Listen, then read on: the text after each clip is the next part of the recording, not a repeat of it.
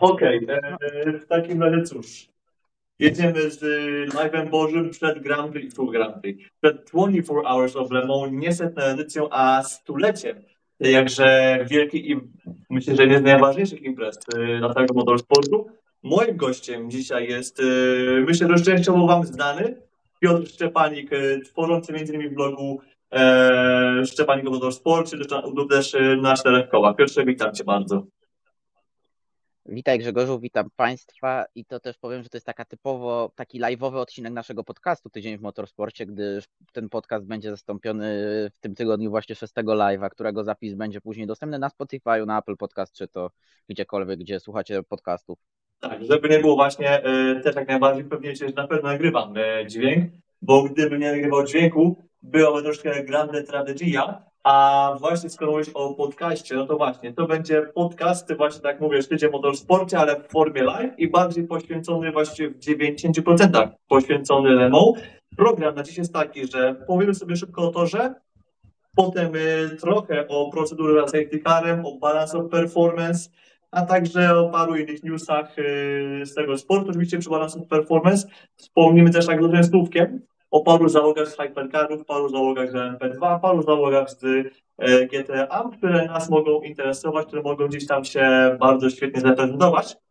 To też myślę, że najlepszym początkiem będzie w ogóle panie stopera, że podają timestampy, ale przechodząc do tematu, no to właśnie, yy, Piotrze, tor, tor tu jest yy, no iście wyjątkowy, niby można go porównać do Monzy, a, czy do Spa, a tak naprawdę nie można go porównać do niczego innego, jest naprawdę wyjątkowym obiektem. Myślę, że możemy sobie tak przejść yy, taką szybką, szybki opis toru, możemy sobie go podzielić na parę stref i myślę, że zacząłbym od oddania Ci głosu na temat tego, byś powiedział takie parę swoich jakichś e, kluczowych elementów tego toru w sekcji od startu do zakrętu Tertrusz. To jest taka bardzo istotna sekcja.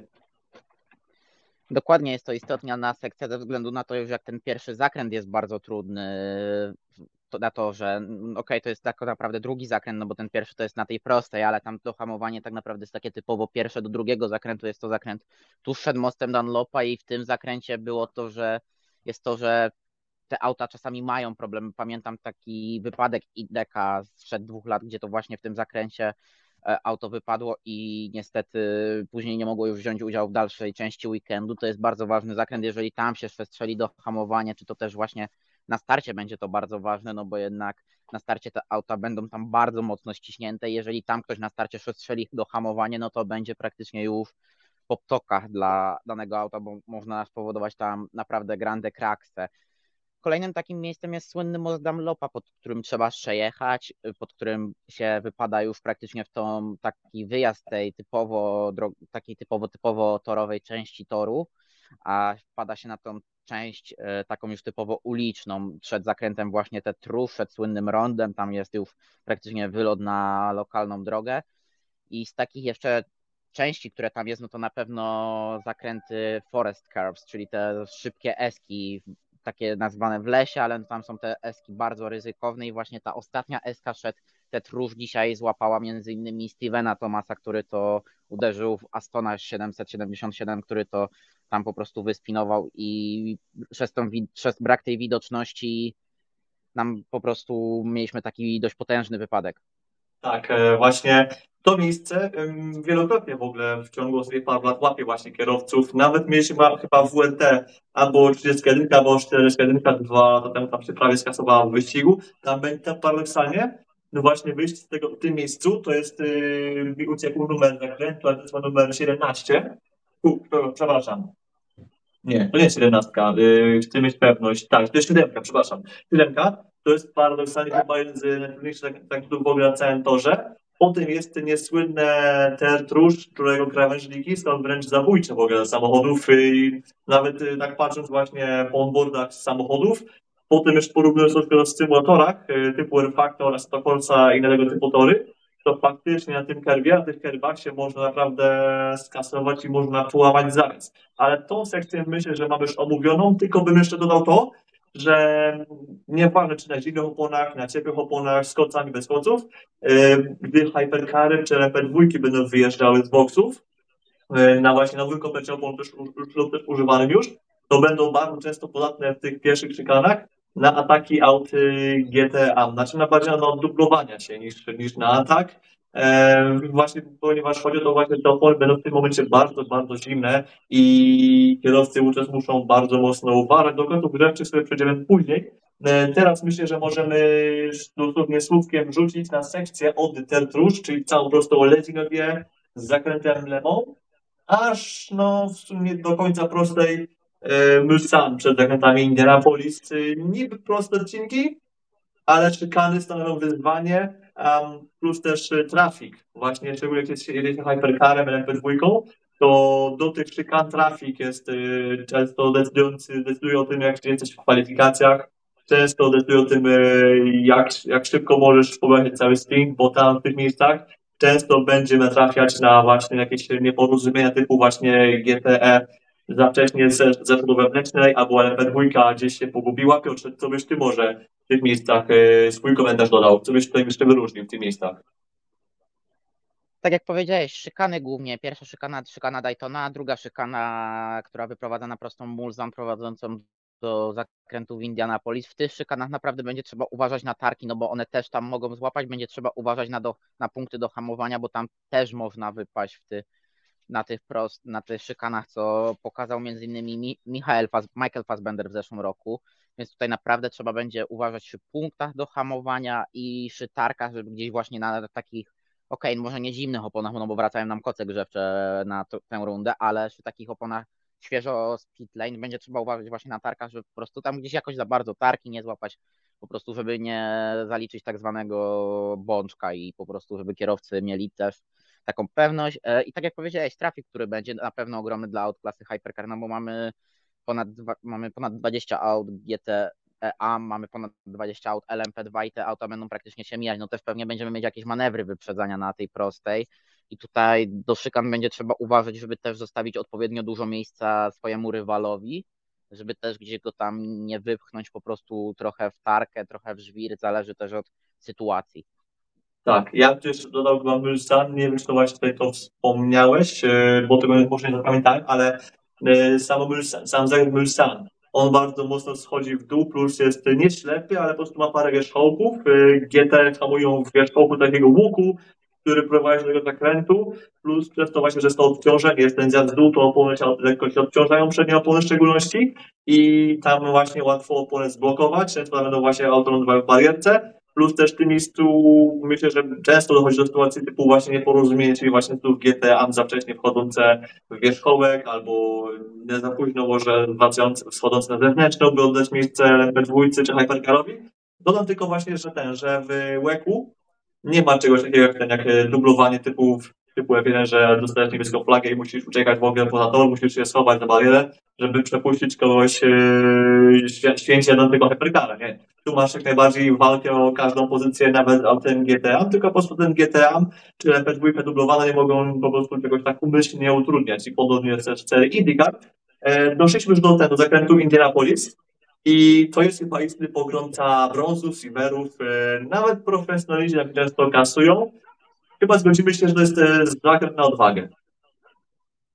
Dokładnie, jest to zakręt na odwagę, tam poprzedza go bardzo, o, tutaj, okej, okay. E, bardzo poprzedza go szybki łuk, tak jak wspomniałeś, ten łuk, który tam zaczynają już praktycznie przed tym łukiem kierowcy GT hamować, a kierowcy Hypercarów LMP2 jeszcze pokonują ten łuk z najwyższą prędkością możliwą i dopiero za tym łukiem zaczynają hamować i ten zakręt jest o tyle trudny, że to jest taka typowa 90, że tam z prędkości około 300 km na godzinę tak naprawdę trzeba hamować gdzieś do 70-80 km na godzinę i jeszcze właśnie ten łuk powoduje to, że to auto gdzieś może gdzieś złapać jakąś nierówność, troszkę też jednak te skręcanie kół, no wiemy, że nie mają te auta ABS-u, w wypadku, no wszystkie nie mają ABS-u, w przyszłym roku wejdą nam GT3, więc to będzie troszkę inna sprawa, ale już wracając do hypercarów LMP2, no to jednak te podbicia mogą gdzieś po prostu to auto wyprowadzać z kontroli i gdzieś po prostu, jeżeli się nieodpowiednio wejdzie w ten zakręt, no to można albo przestrzelić ten zakręt i wlecieć w żwir, który tam jest i musieć być wyciąganym przez manitu,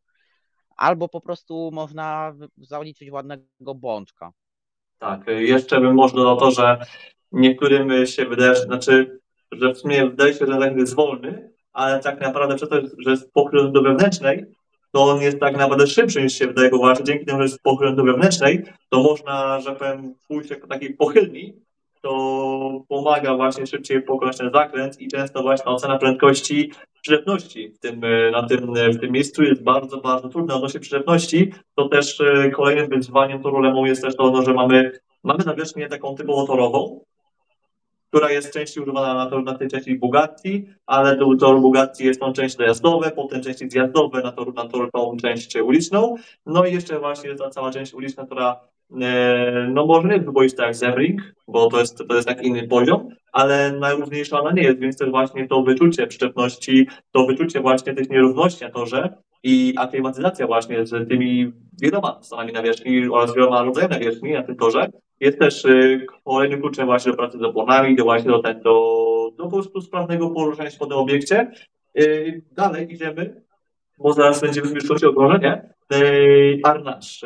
Dla mnie to jest, nie wiem, dla ciebie jest zakręt, który się wydaje być niepozorny, ale on jest naprawdę killerem, na których szczególnie właśnie pod kątem tej trakcji na wyjściu, do też punkt hamowania.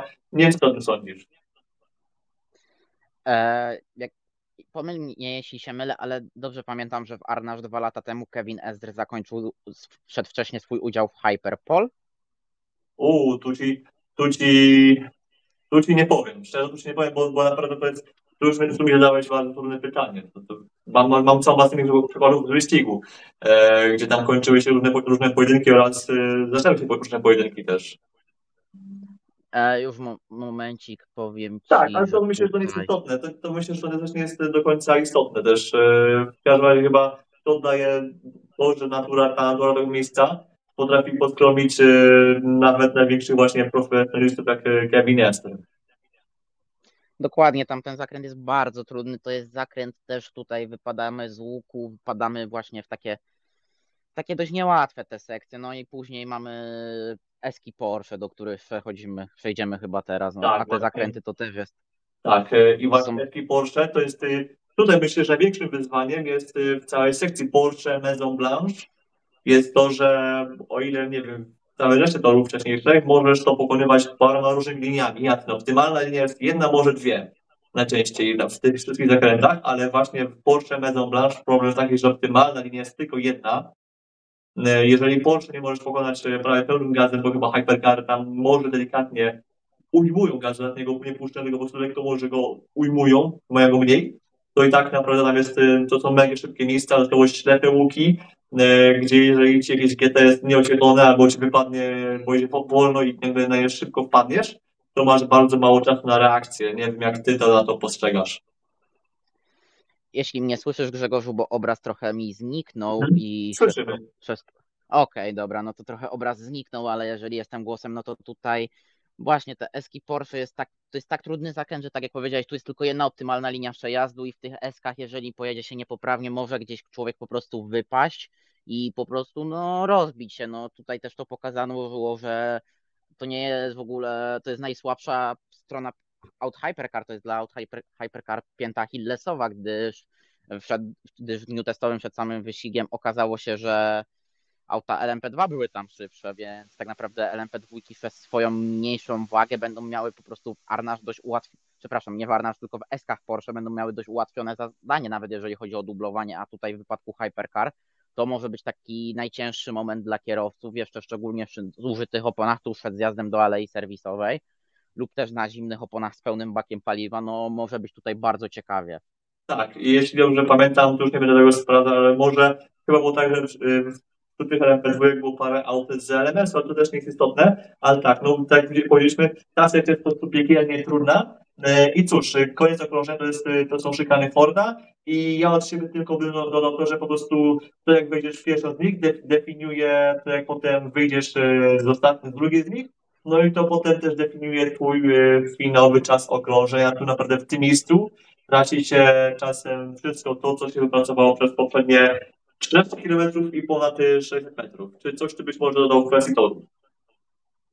Nie, właśnie tak jak mówisz, no tutaj praktycznie traci, można stracić w szykanach Forda wszystko, a nawet można jeszcze przed tą szykaną Forda gdzieś wypaść, tak jak to dzisiaj zrobiło, czy to Alpin tak zrobiło, czy to zrobiło nam też... Yy, BMW. JM, JMW, tak, tak, tak, JMW to zrobiło i tak naprawdę tutaj można wszystko stracić w tym wyścigu, a można też wszystko zyskać. Więc yy, wiele rzeczy się działo, wiele rzeczy też się działo na prostej startowej. Pamiętamy Toyota, która stanęła praktycznie na w 2016 roku, więc tak naprawdę właśnie tak jak mówisz, szykana Forda jest czymś, gdzie można wszystko stracić. Dokładnie. Um, szybki, też szybki komentarz z czatu Konrad. Hello there, komentatorze Eurosportu w tym momencie. IDEC, IDEC, no nie wiem, no w sumie też chyba nie wiemy, czy IDEC Sport, IDEC Sport, Jota Sport, Jota Sport, ale cóż, najważniejsze wiemy, że wiemy, o jakie załogi chodzi. I właśnie teraz przejdziemy sobie do załóg. Yy, szybko słówko o BOP. E, cóż, Chcę zobaczyć minę, chciałem zobaczyć minę właśnie władz, władz zespołu Toyoty, jak zobaczyli BOP na tą rundę, mianowicie plus 37 kg do obydwu Toyotek, plus 24 kg do obydwu Ferrari, e, plus chyba 3 kg do Cadillaca i plus 11 kg do Porsche. Czy może tutaj LMD pomieszałem? Mm, nie, nie, nie. Dobrze powiedziałeś. Tak, tak, tak. Je, e, 3 kg do Cadillaca, 11 do Porsche. Do, tak powiedziałeś? Czy... Tak, tak. Tak, tak, tak. 24 do Ferrari i 37 kg dla Toyoty. E, ja, ja ci odpowiem, jakie miny były w Toyocie. Miny były nietęgie i chyba każdy tam wręcz płakał i był wściekły, bo to już było nawet widać po wypowiedziach Kamuya Kobayashiego, który, który przy okazji Lemą i BOP jest często bardzo wokalny. Pamiętam to z zeszłego roku, jedną wypowiedź dla motorsport.com, kiedy to mówił o BOP dla Alpin i takiej zmianie na ostatnią chwilę jeszcze w piątek przed samym wyścigiem. I tutaj Kamui Kobayashi też był bardzo wokalny z tym wszystkim i powiedział, że to BOP tak naprawdę jest dla nich bardzo słabe i im zabiera tak naprawdę szansę na zwycięstwo i tak naprawdę to nie jest to, czy, to nie jest to optymalne BOP, które byśmy chcieli mieć i tak naprawdę no takich tekstów, które padały ze strony Kamui Kobayashiego mógłbym jeszcze wymieniać i wymieniać, bo Toyota po prostu chyba nie rozumie idei hypercar, LMDH i czegokolwiek, że to jednak musi być e, taka równa walka, a nie, że to będzie dominacja jednego producenta. Znaczy, ja z drugiej strony ich rozumiem, ponieważ zbudowali świetne auto, bardzo dobrze zaprojektowane przez inżynierów, a nie stylistów, e, które przez te parę ładnych lat było rozwijane, po czym nagle, okej, okay, no dominujesz Zebring, wykorzystać błędy rywali, Zebring, Portimao, Spa, po czym nagle dowalają ci naprawdę tony worów z cementem. Mocy nie ale no właśnie ten, tego cementu jest tak dużo, że musisz naprawdę walczyć o swoje. E, cudem jakimś Toyota się utrzymuje, jeśli dobrze spojrzałem w wyniki F1, czyli sesji ze środy, tej pierwszej sesji z 14 do 17, Toyota była najszybsza dwoma autami. Więc y, na to jedno kółko dają radę, mimo że w testach nie było najlepiej, ale naprawdę Toyota ma teraz przed sobą e, naprawdę ciężkie zadanie. I kończąc temat Toyoty, nie wiem, czy się zgodzisz z moim y, komentarzem, że to może jest ten rok, który zweryfikuje wartość pięciu poprzednich zwycięstw. Mm, na pewno to będzie rok, który zweryfikuje wartość ich poprzednich pięciu zwycięstw, no bo tak naprawdę takim rywalem, który mógł walczyć jedynie o o cokolwiek w Lemon dotychczas, był jedynie był jedynie Rebellion, no bo Alpin w zeszłym roku mimo, dzięki swojemu mocnemu performanceowi zostało obcięta. Glickenhaus nigdy nie był jakimś poważnym rywalem, czy to e, BR Engineering, czy to tak. niezależnie czy SMP, czy Dragon Speed, więc tak naprawdę w tym roku mamy Ferrari, które jest mocne, mamy Cadillaca, który jest mocny, mamy Porsche, które jest mocne, Porsche w natarciu z czterema autami, trzy fabryczne, jeden klient, jedno klienckie, Cadillac trzy auta fabryczne, Ferrari dwa auta fabryczne, więc Toyota tak naprawdę jest w bardzo trudnej pozycji, patrząc na, na ostatnie pięć lat. I jeżeli tutaj w pierwszym roku wygra czy to Ferrari, czy to Cadillac, czy to Porsche, to będzie dla Toyoty ciężki orzech do zgryzienia i tutaj na pewno Pascal Vasejon, Kamui Kobayashi, Kazuki Nakajima i inne tęgie głowy z działu Gazu Racing, WEG nie pozostawiam tego bez jakiegokolwiek komentarza, no bo będzie ten komentarz, mi się wydaje, bardzo Wulgarny. ostry. Tak, i właśnie Toyota już z takich telepatów wychodziła. Um, ich mocną stroną, ja powiem od siebie, ich mocną stroną jest to, e, co możecie też mnie przeczytać w naszym wywiadzie z Brennerem Hartleyem, który już zrobiłem na SPA następnego wypuściłem około godzinę temu, że ich mocną stroną jest to, że rozumieją opony. Ferrari na przykład na Zebrik bardzo mocno źle, co miało opony, oczywiście operacyjnie. W Ferrari było sporo błędów i potem było to samo na Portimao i na Spa. E, kierowcy to inna sprawa, ale właśnie te błędy operacyjne to były spory problem w Ferrari. Natomiast w Toyocie e, Hartley bardzo chwali to, że ten duet, obydwa te właśnie i e, on z Błemim oraz e, Hirakawa, a także też e, Kobayashi, Conway i, e, i kto jeszcze? Lopez. E, też te dwa tercety one bardzo dobrze ze sobą współgrają, są bardzo blisko siebie w pozostałych markach, w pozostałych zespołów e, to jest troszkę bardziej rozrzucone, natomiast Toyota zawsze jest właśnie tak blisko siebie, cała ta szóstka jest zawsze bardzo blisko siebie i to jest na pewno ich e, siła. Zobaczymy, jak to będzie wyglądało, gdy właśnie im realnie walczyć z właśnie rywalami, czy właśnie też te dwa auta będą blisko siebie, czy może będzie gra jednak korzyść jednego z nich, albo każdy będzie grał po prostu na, do swojej bramki i wtedy, wtedy się też wygląda właśnie jest warta ta ich e, kooperacja między załogami. E, to, to jest to wszystko.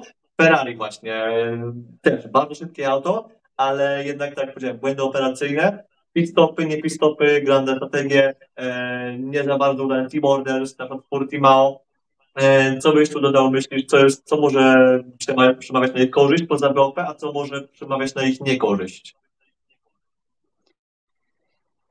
Na ich korzyść na pewno przemawia szybkie auto, tak jak powiedziałeś, bo to auto czystym tempem już na spa doganiało Toyotę, a patrząc na to, że ta Toyota jest tak, a nie inaczej dociążona i jest tak to mocowo wygląda, a nie inaczej, no to Ferrari na pewno będzie moc, bardzo mocnym autem na Lemą i mi się wydaje, że może być najszybszym autem na Lemą. Zobaczymy tak naprawdę w kwalifikacjach, które już za praktycznie 20 minut, nawet nie no, 15 minut, więc tak. Zobaczymy, jak to się tutaj y, rozstrzygnie, ale tutaj co do strategii, no to ja zawsze będę jakoś bronię AF Corse, że mówię, że ok, na Sebringu poszli drogą z LMP2 i GTE AM, bo no jednak nie oszukujmy się, ten zespół nie miał doświadczenia z oponami e, Michelin i jakby strategią na poziomie Hypercar, no bo jednak te auta GTE AM ciutkę się różnią, czy to LMP2 od Hypercarów, więc na Sebringu ta strategia by zadziałała w dwóch pozostałych kategoriach, po prostu w Hypercar nie zadziałała i na, i na tym Ferrari bardzo mocno straciło. Później na Portimao troszkę auto wytrzymałościowo dało sobie znać, a Spa było dla nich ciężkim wyścigiem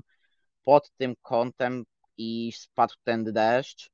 Ta strategia była lekko przestrzelona, może nawet nie to przestrzelona, bo ten start na łetach by im się opłacił, gdyby nie ten safety car e, po wypadku Cressoniego, mm, przepraszam, na, niego na początku wyścigu i gdyby nie to, to mi się wydaje, że Ferrari by tam odjechało na spa i by mogło sobie spokojnie zjechać po opony na, na suchy tor i to też, też by im strategicznie pozwoliło na jakieś gierki, ale no cóż, sytuacja jest taka jaka jest, tak naprawdę Ferrari przyjeżdża do Le z szansą wygrania pierwszego wyścigu w sezonie, pierwszego wyścigu po powrocie po 50 latach, no i wygrania Le Mans.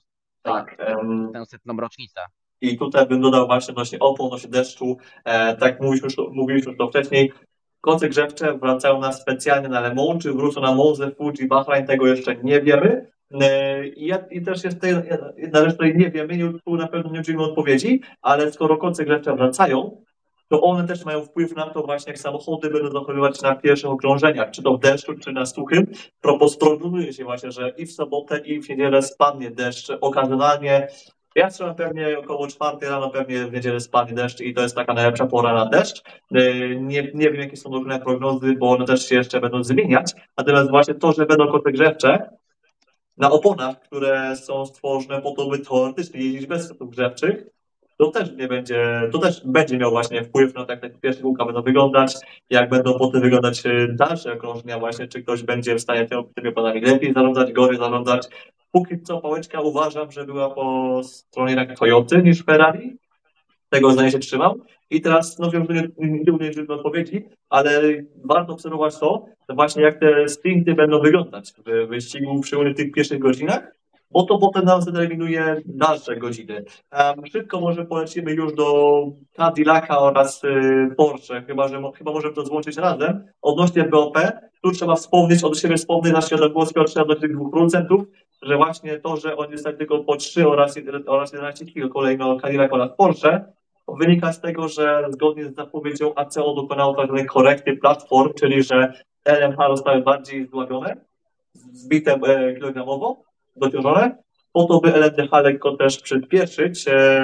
Ma to swoje zalety, plusy, minusy i tak dalej, no przynajmniej będziemy mieli w miarę równą walkę. Nie wiem, jeszcze chciałem dodać, więc myślę, że oddam Tobie głos, Piotr, w tych dwóch sprawach.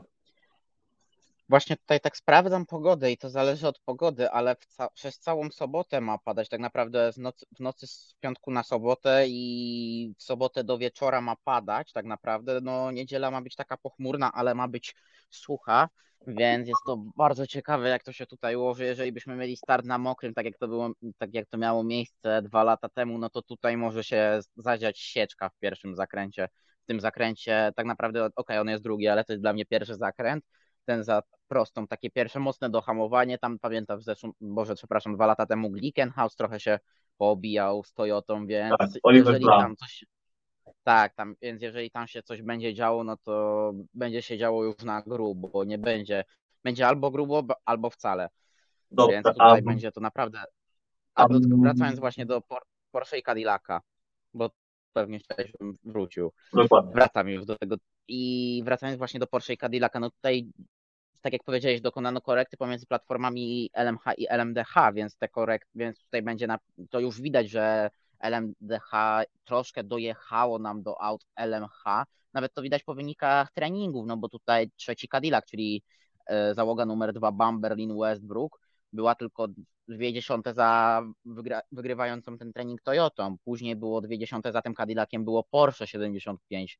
Później ciutkę za tym Porsche, no dosłownie dwie setne sekundy było Porsche numer 6, więc widać, że te poprawki mają jakieś realne, mają jakieś realne przełożenie na to, co się dzieje, czy to w wyścigu, czy to w treningach, czy to w kwalifikacjach, więc naprawdę cieszę się, że ACO dobrze to wyrównało. No tutaj Toyota może pluć na ACO, że tutaj jest to tak, a nie inaczej, ale naprawdę w tym sezonie ACO bardzo rozsądnie zachowuje się z BOP.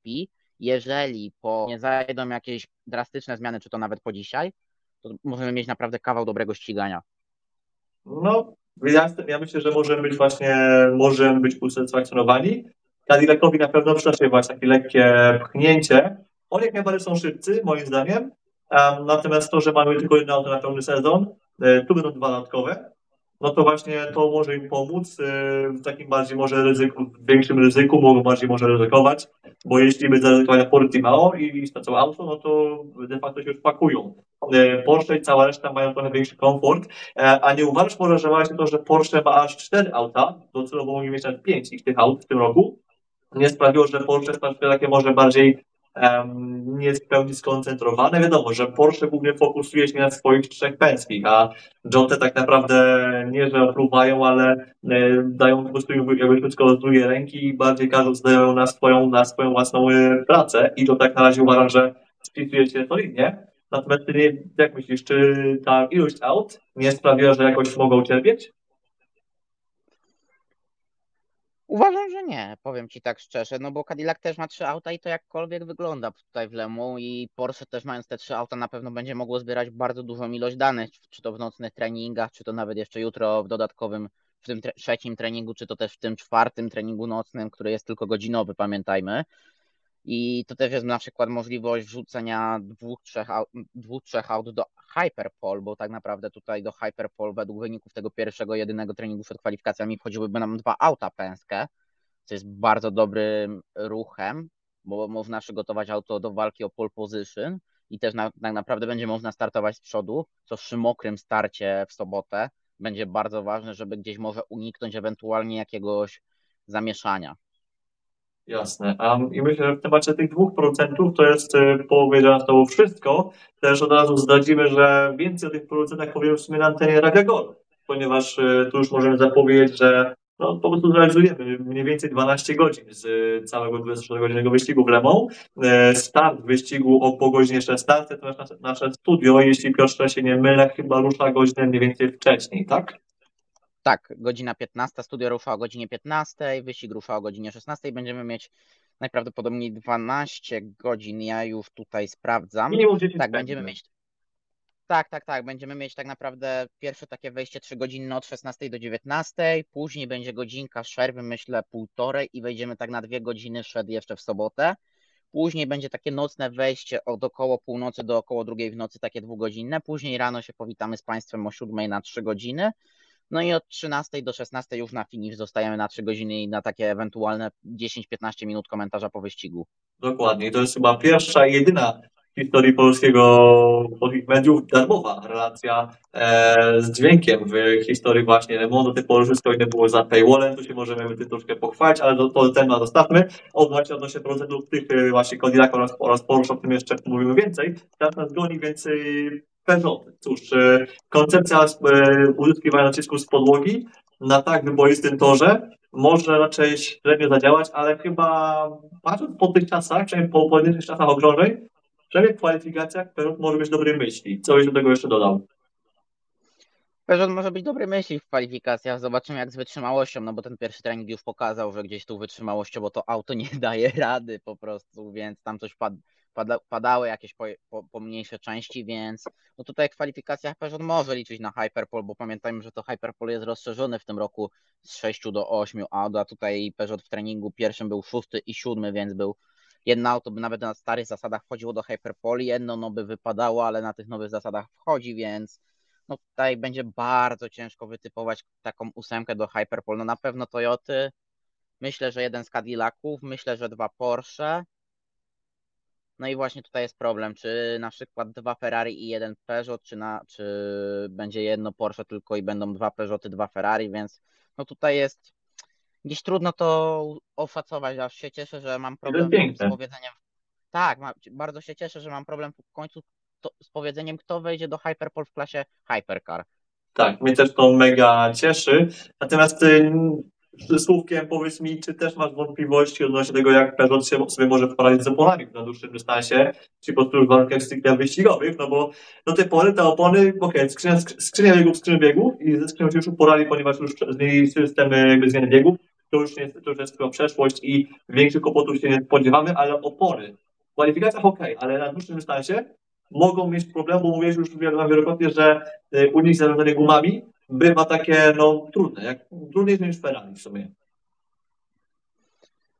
Peugeot ma wiele problemów i właśnie to szerzeranie opon będzie jednym z większych problemów. No pamiętajmy, że tutaj wszystko jest wytwarzane za pomocą ground efektu. Ten ground efekt będzie też odnosił się do tego, że na, tych, na, tych, na tym ulicznym odcinku toru, przy tych wybojach te opony będą jeszcze bardziej obciążone. Ten praktycznie ten mechaniczny grip jest w tym aucie potężny, a tego aerodynamicznego grip, gripu w ogóle prawie że nie ma. I tutaj ten tak. mechaniczny docisk się przekłada na to, że tutaj gdzieś te opony muszą troszkę bardziej być zużywane. No i tutaj przy tych pewnych meandrach tego toru może być naprawdę ciężko Peugeotowi. I tutaj nie zdziwię się, jeżeli tutaj oponowo będą musieli zrobić jeden, dwa pit stopy więcej na przestrzeni nawet powiedzmy 12 godzin, aniżeli zrobią ich rywale. Tak. Um, nie wiem, czy, bo to też próbowałem konsultować to z paroma osobami, które mają pojęcie inżynieryjne na temat tego sportu. E, nie wiem, czy najlepszym na wyjściem nie byłoby po prostu ciągnięcie cię, że tak najdłużej się da, z jakimś delikatnie od nich szybszym, by właśnie zlimitować e, to zużycie opon plus porpoising. Cały czas porpoising w tym aucie występuje, a na części wyboistej będzie z tym jeszcze gorzej. I gdyby jechał właśnie w czymś brudnym powietrzu, to możliwe, że właśnie jadąc za kimś, w brudzie, w tym jakby w tym niższym ciśnieniu, ten poison może byłby mniejszy, przez co właśnie wszystkie wibracje oraz inne negatywne efekty tego zjawiska może były delikatnie mniejsze, ale taka może bardziej teoryka. Um, myślę, że temat hypercarów mamy skończony. Przejdźmy do LMP2 i cóż, najpierw może Glickenhaus oraz Van Wall.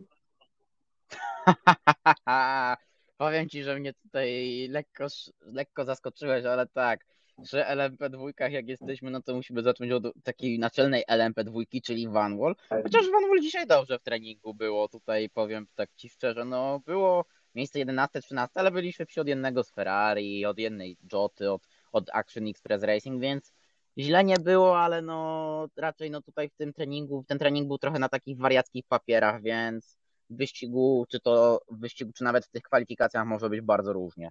No właśnie, szczególnie jeśli popada i właśnie szczególnie w wyścigu, no ale właśnie na kółko to jest na kółko, a przecież Glik oraz Van nieraz byli e, świetni na pojedynczym kółku, było, były wiesz, tam między pilotami, gdzieś tam blisko Cadillacu i tak dalej, a potem w wyścigu okazywało się, że byli najszybszym GTR nawet, więc e, e, ja bym może nie sugerował się w ogóle tym, tym co pokazują w treningach, ja po prostu poczekał na wyścig, zresztą w przypadku innych można zrobić prawie to samo, tylko mniej więcej wiemy, że tam będzie mniej więcej na czele, Ferrari też, przynajmniej jeden, jeden nagrywa jedno, jedno Porsche też będą w czołówce, natomiast y, odnośnie Glika oraz Van Walla to wiemy raczej, że będą gdzieś tam daleko, daleko z tyłu i nawet y, Tristan Vautier, który zastąpił Jacques'a Villeneuve'a na stałe w tym zespole niewiele może wskórać, ale odnośnie stricte LMP2, powiedz mi może tak dwoma, trzema słowami, jakie cztery załogi byś typował do walki o zwycięstwo w tym roku?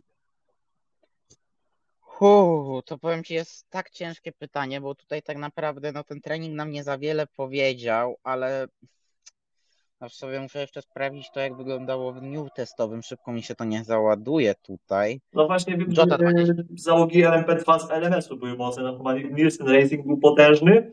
Um, parę załóg właśnie z LMS-u. Ja bym właśnie wskazał parę załóg z LMS-u, które były też potężne właśnie w tym, tego Nielsena nieszczęsnego. Um, Inter Europol raczej może poza tą ścisłą czołówką, ale WRT jedno i drugie, one byłyby na pewno mocne. E, czy ja na pewno tego jeszcze nie zapomniałem, e, bo może mi coś tu się podsunie. Przepraszam, że ucieknę z Elmsu, ale Jota 28, mhm. ona jest tak mocna, najlepsza w dniu testowym, najlepsza dzisiaj w tym jedynym treningu, więc Jota 28 jest znowu bardzo dobrze przygotowana na Lemą. Jeśli przychodzi to do Lemą, Jota naprawdę jest to przygotowanie i oni chyba chcą pociągnąć tę, tę serię już 10 lat po, z podium z rzędu było, a tym roku może być 11 rok z, podium, z podium w rzędzie, więc z rzędu, więc tak naprawdę Jota będzie dalej to kontynuowała. E, cool Racing, Alpin się też odbudowało tutaj, co jest zdziwiony bardzo. Miałem powiedzieć Cool Racing, to też powiedziałeś, właśnie miałem, miałem dodać właśnie, że, że załoga numer 47 to też może być e, świetny skład. Malte Jakobsen, e, nie pamiętam już z ale w każdym razie że na pewno warto ją obserwować. A powiedz mi, WRT, myślę, że chyba obydwa auta można tu wliczyć. E, Premę chyba, jeżeli premie nie będzie błędów oraz kar, to Premę chyba czystą prędkością możemy tu wliczyć. Tylko po prostu kwestia tych kar, błędów i innych tego typu spraw, nieprawdaż?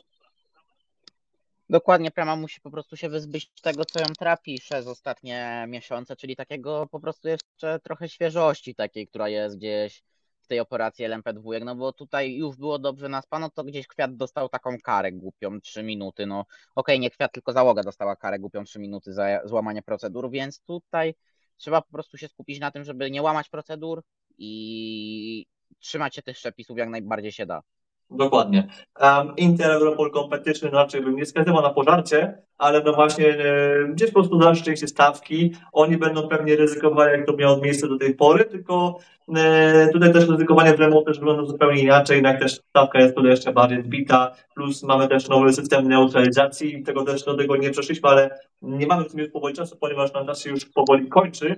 Dosłownie słówkiem wspomnę, że właśnie system neutralizacji w tym roku będzie polegał na tym, że będą trzy safety jak dawniej, ale gdy incydent zostanie uprowadzony, to te trzy certyfikaty połączą się w jeden, po czym stawka się uporządkuje tak, aby kierowcy prawie zdublowali, odzyskali kółko z liderów swoich klas, a stawka potem po tych 20 paru minutach, bo mniej więcej tyle cała, cała po prostu ma trwać, lub 30, e, cała stawka się ma zbić w jedną grupę, czyli nasze będą hypercary, potem będą LMP2, na końcu GTA oraz y, potem auto NASCAR.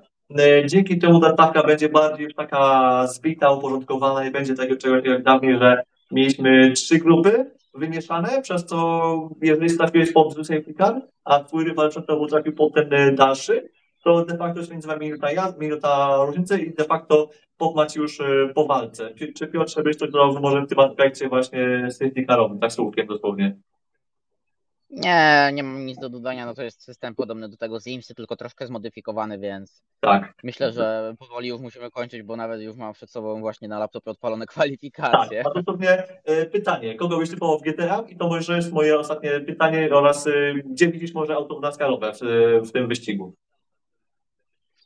Auto naskarowe widzę przed całą klasą GTA, Też. bo jest na tyle szybkie, że wyprzedza GTA Amki. A w GTE Ance będę bardzo oryginalny, jak to powiem, ale na Corvette 33 stawiam. U, a powiedziałbyś może, um, czy któryś z producentów ma jakąś e, wyraźną przewagę? Bo wydawało się na teście, że na przykład Porsche było daleko, po czym Porsche okazuje się, że jest e, dobre w treningu. I teraz e, co byś o tym myślał? Mam nawet przed sobą teraz wyniki właśnie z pierwszego treningu, no i Aston Martin jest mocny jest ten Aston Martin mocny i jest Porsche mocny, gdzie jest z tyłu Ferrari, z tyłu jest Corvette, ale wiem, ja wam to, że w Corvette, Corvette w treningach jest takie, że okej, jesteśmy troszkę słabsi, ale jest dobrze potem. E, Aston, Aston Martin jest wyjątkowo mocny i tutaj na Astona Martina bym, bym zwrócił też uwagę, bo na przykład za właśnie załoga GM, GMB Motorsport wspierana przez Marco Sorensena tutaj podczas Le Mans była bardzo mocna. No, ale koń, na końcu tak byśmy mieli Walkenhorsta, jeśli by, byśmy mieli patrzeć po tym treningu, nieprawdaż? Tak, tak, tak. No bo jednak doświadczenie i tak dalej. Dobrze, Piotrze, myślę, że dziękuję Tobie bardzo pięknie właśnie za obecność. Możliwe, że jeśli zdążymy, ponieważ też są różne kwestie czasowe, ja też do Lemu wyjeżdżę dosłownie jutro z rana, wylatuję i będę Wam to wszystko pięknie relacjonował z toru. Prawdopodobnie istnieje szansa, że z Piotrem się jeszcze złapiemy właśnie w piątek po, po, po takim dniu newsowo-prasowym, ponieważ będzie konferencja ACO. Po 13 w piątek ma pokazać e, Ford, ma pokazać e, swoje auto, swojego Mustanga GT3. Jeszcze będzie parę pewnie innych aktywności medialnych. E, Możliwe, że się zdążymy złapać lub też nie. Jeśli nie, to i tak słyszymy się w Radiu Gór właśnie od tej mniej więcej 15, a wyjście krótko o 16. Um, cóż, ja myślę, że ja Tobie Piotrze dziękuję bardzo pięknie. To ja dziękuję bardzo pięknie za zaproszenie i do usłyszenia, mam nadzieję, w piątek, a jak nie w piątek, no to w sobotę w Radiu, w Radiu Gol. Dobrze, i myślę, że to będzie wszystko. E, Ja zapraszam na sociale właśnie